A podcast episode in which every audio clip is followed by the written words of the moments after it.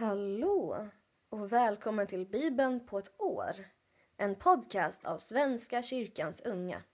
Jag heter Matilda. Jag är 23 år gammal och jag är medlem i Svenska kyrkans ungas arbetsgrupp för kristen tro och identitet. Och vi håller då på med, ja, precis som det låter på namnet, eh, tro och identitetsfrågor inom Svenska kyrkans unga. Vi har också en egen podd som heter Tror du? frågetecken och finns också. Där poddar finns. Ja, jag har väl redan berättat att eh, Svenska kyrkans unga är Svenska kyrkans officiella barn och ungdomsorganisation.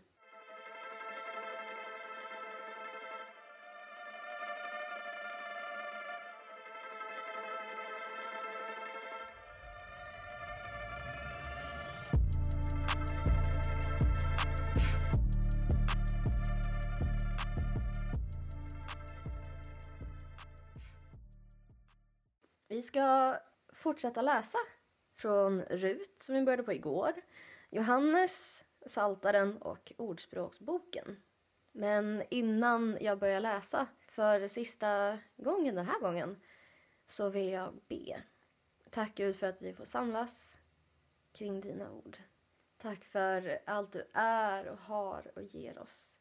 Tack för att vi får gå runt i din skapelse, gå runt i dig. Var med oss under dagens läsning. Inspirera, stötta. Hjälp oss se hur vi kan använda ditt ord i våra liv. I Jesu namn. Amen. Jag fortsätter läsa på Rut, kapitel 2. Nomi hade en anförvant på sin makes sida. En förmögen och betydande man av samma släkt som Elimelek. Han hette Boas. En dag sade Rut, moabitiskan, till sin svärmor jag skulle vilja gå bort till fälten och fråga om jag får plocka ax. Gör det, min flicka, svarade Nomi. Så gav sig Rut iväg till fälten och började samla ax efter skördemännen. Av en händelse hade Rut hamnat på en åker som ägdes av Boas, han som hörde till Elimeleks släkt. Nu kom Boas från Betlehem och hälsade skördefolket Herren var med er. Och de svarade Herren välsigne dig. Då frågade Boas den som var förman för skördefolket var den unga kvinnan hörde hemma. Det är en moabitiska, svarade förmannen. Det var hon som vände tillbaka med Nomi från Moab. Hon bad att få plocka ax efter skördefolket och hållit på hela tiden ända sedan hon kom i morse. Bara en kort stund har hon varit här inne och vilat sig. Då sade Boas till Rut, hör på min dotter. Gå inte bort och plocka ax på någon annan åker utan stanna kvar och håll dig till kvinnorna här. Du ser vad de skördar. Följ efter dem. Jag har sagt till kararna att inte röra dig och blir du törstig så gå bara till krukorna och drick av vad de har öst upp. Då föll hon ner med ansiktet mot marken och sa Hur kan du vara så god mot mig och bry dig om mig fast jag är en främling?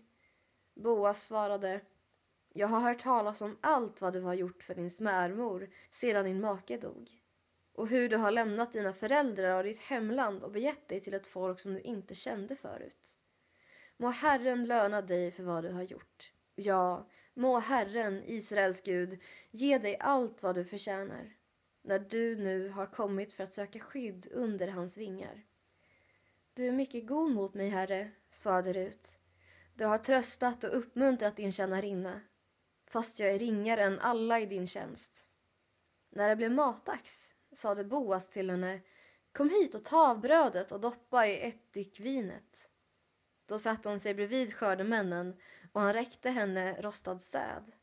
Och hon åt sig mätt och fick ändå över. När hon steg upp för att börja plocka igen gav Boas sitt folk order att låta henne plocka ostört, även bland kärvarna. Och ni kan gärna dra ut några ax ur knipporna och låta dem ligga så att hon får plocka upp dem utan att ni grälar på henne.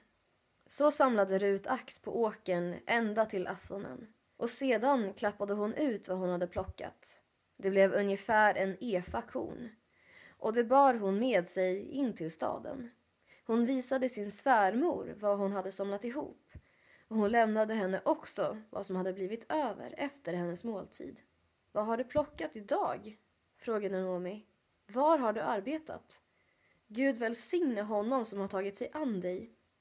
Då berättade Rut var hon hade varit. Den man jag har arbetat hos idag heter Boas. Må Herren välsigna honom, sade Nomi. Herren som i sin trofasthet inte har övergett sig vare de levande eller de döda. Och hon tillade, den mannen står oss nära. Han är en av våra skyldemän. Rut, moabitiskan, fortsatte. Boas sa också att jag skulle hålla mig i närheten av hans folk tills de är färdiga med hela skörden.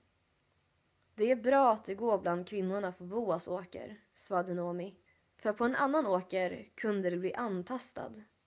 Alltså höll hon sig till dem och plockade ax ända tills skörden av korn och vete var avslutad. Och hon bodde hos sin svärmor. En dag sade Noomi till sin svärdotter. Mitt barn, jag vill att du ska få det tryggt och bra. Boas, vars tjänsteflickor du var tillsammans med, är ju vår släkting. Ikväll är han på träskplatsen och kastar korn. Du ska bada, smörja in dig med välluktande olja, sätta på dig fina kläder och gå ner till tröskplatsen. Men laga så att han inte ser dig förrän han har slutat äta och dricka. Ge akt på var han lägger sig och gå sedan fram och lyft på täcket vid fotändan och lägg dig där. Då säger han dig vad du ska göra. Rut svarade, jag ska göra precis som du säger. Hon gick alltså ner till tröskplatsen och gjorde till punkt och pricka som hennes svärmor hade sagt åt henne. När Boas hade ätit och druckit gick han glad och nöjd och lade sig intill sädeshögen. Då smög hon sig dit och lyfte på täcket vid fotändan och lade sig. Men mitt i natten for Boas upp och trevade omkring sig och märkte att det låg en kvinna hos honom. Vem är du? frågade han. Jag är Rut, din tjänarinna, svarade hon. Bred ut din mantel över mig. Du är min skyldeman. Han sa, Herren välsigne dig, min dotter. Nu visar du din trofasthet ännu tydligare än förut. Du söker inte efter unga män, varken fattiga eller rika. Var nu inte orolig, min dotter. Allt vad du säger ska jag göra. Du är respekterad av alla här i staden. Det är sant att jag är din skilde man. Men det finns en annan som är närmare än jag. Stanna här i natt. Om han imorgon tar på sig rätten och plikten som skildeman, nåväl, då må det ske. Men om han inte vill, då ska jag göra det. Så sant Herren lever. Ligg kvar här tills det blir morgon. Så låg hon där hos Boas ända till morgonen. Men hon steg upp innan människor ännu kunde känna igen varandra. Han ville inte att det skulle bli känt att hon hade varit vid tröskplatsen. Boas bad henne ta sin sjal och hålla upp den. Hon gjorde som han sa och han mätte upp sex mått korn och lade bördan till rätta på henne. Därefter gick han in till staden. När Rut kom hem frågade hennes svärmor Hur har det gått min dotter? Då berättade hon allt vad mannen hade gjort för henne och tillade Dessa sex mått korn gav han mig för han ville inte att jag skulle komma hem tomhänt till min svärmor. Då svarade Nomi Vänta nu lugnt min flicka tills du får veta hur saken avlöper. Den mannen kommer inte att ge sig någon ro förrän han ordnat det hela. Och det idag. Boas hade gått upp till stadsporten och satt sig där. Då kom skyldemannen förbi, den som han hade talat om.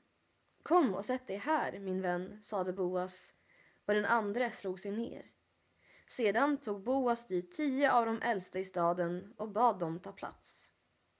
När de hade satt sig sade han till skyldemannen Nomi, hon som har kommit tillbaka från Moab vill överlåta den jord som har tillhört vår anförvant Elimelek. Jag tänkte meddela dig detta och erbjuda dig att förvärva den i närvaro av dem som sitter här och av folkets äldste. Vill du lösa in jorden så gör det, men vill du inte så låt mig veta det. Du är först till inlösningsrätten, men efter dig kommer jag. Då svarade den andra, jag löser in jorden.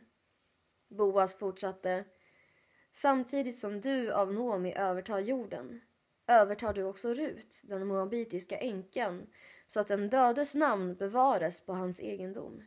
Han svarade, I så fall är det omöjligt för mig att lösa in jorden eftersom det skulle bli till skada för min egendom. Hävda du rätten och plikten som skyldeman. Jag kan inte göra det. Nu var det förr i tiden så vid inlösen och ägobyte i Israel att man för att stadfästa en uppgörelse tog av sig skon och gav den åt sin motpart. Därmed bekräftades ett avtal israeliter emellan. När skyldemannen sade till Boas, köp du, drog han därför av sig skon. Då sade Boas till de äldste och till alla de andra, ni är idag vittnen till att jag av Nomi förvärvar allt som har tillhört Elimelek och allt som har tillhört Kiljon och Machlon.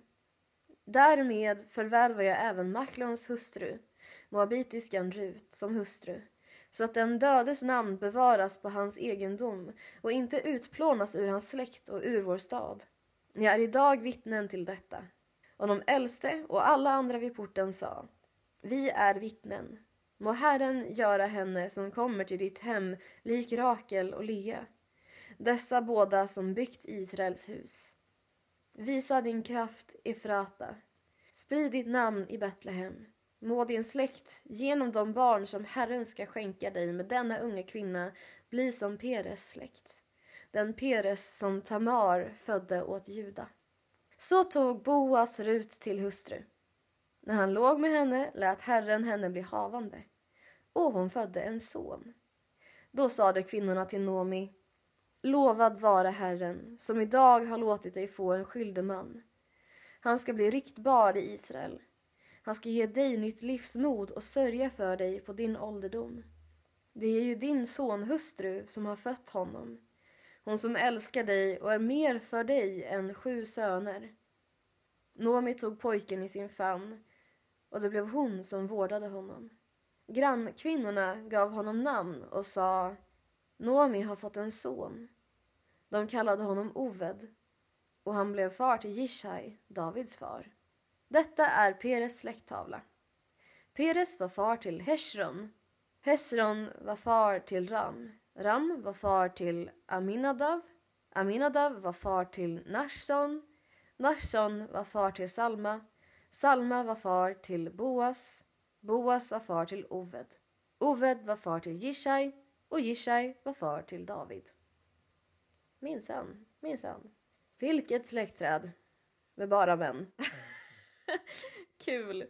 Vi fortsätter läsa i Johannes evangeliet kapitel 4. Efter de två dagarna fortsatte Jesus till Galileen. Han hade själv vittnat om att en profet inte har något anseende i sin hemtrakt. När han nu kom till Galileen blev han väl mottagen eftersom galileerna hade sett allt han hade gjort i Jerusalem under högtiden. De hade också firat högtiden där. Han kom alltså tillbaka till Kana i Galileen, där han hade gjort vattnet till vin.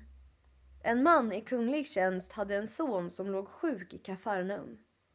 När han fick höra att Jesus hade lämnat Judeen och var i Galileen sökte han upp honom och bad honom komma ner till Kafarnaum och bota hans son som låg inför döden. Jesus sa till honom, om ni inte får se tecken och under så tror ni inte. Ämbetsmannen sa, Herre, kom innan mitt barn dör. Jesus svarade, gå hem, din son lever. Mannen trodde på vad Jesus sa och gick. När han ännu var på väg hem möttes han av sina tjänare som talade om för honom att pojken levde. Han frågade då vilken tid på dagen som han hade blivit bättre och de svarade Igår vid sjunde timmen lämnade febern honom. Då förstod fadern att det hade hänt just när Jesus sade till honom Din son lever. Och han kom till tro, liksom alla i hans hus. Detta var det andra tecknet. Och Jesus gjorde det när han hade kommit från Judeen till Galileen. Jag läser också ur Saltaren 105. Han sände hungersnöd över landet, tog deras bröd ifrån dem Före dem hade han sänt en man, Josef, som blev såld till slav. Man satte hans fötter i bojor och fjättrade honom med halsjärn tills det han hade sagt slog in och Herrens ord gav honom rätt. Kungen lät frige honom, folkets härskare släppte honom fri. Han gjorde honom till herre över sitt hus, till härskare över allt han ägde, för att stormännen skulle fostras efter hans vilja och de äldste skolas i vishet. Israel kom till Egypten, i Hams land fick Jakob bo. Sitt folk gjorde Herren fruktsamt. Han lät dem bli flera än deras fiender. Han fick egyptierna att hata hans folk och handla listigt mot hans tjänare. Han sände sin tjänare Mose och Aron som han hade utvalt. I Egypten gjorde han sina tecken, i Hams land sina under. Han sände mörker och allt blev mörkt, men de trotsade hans ord.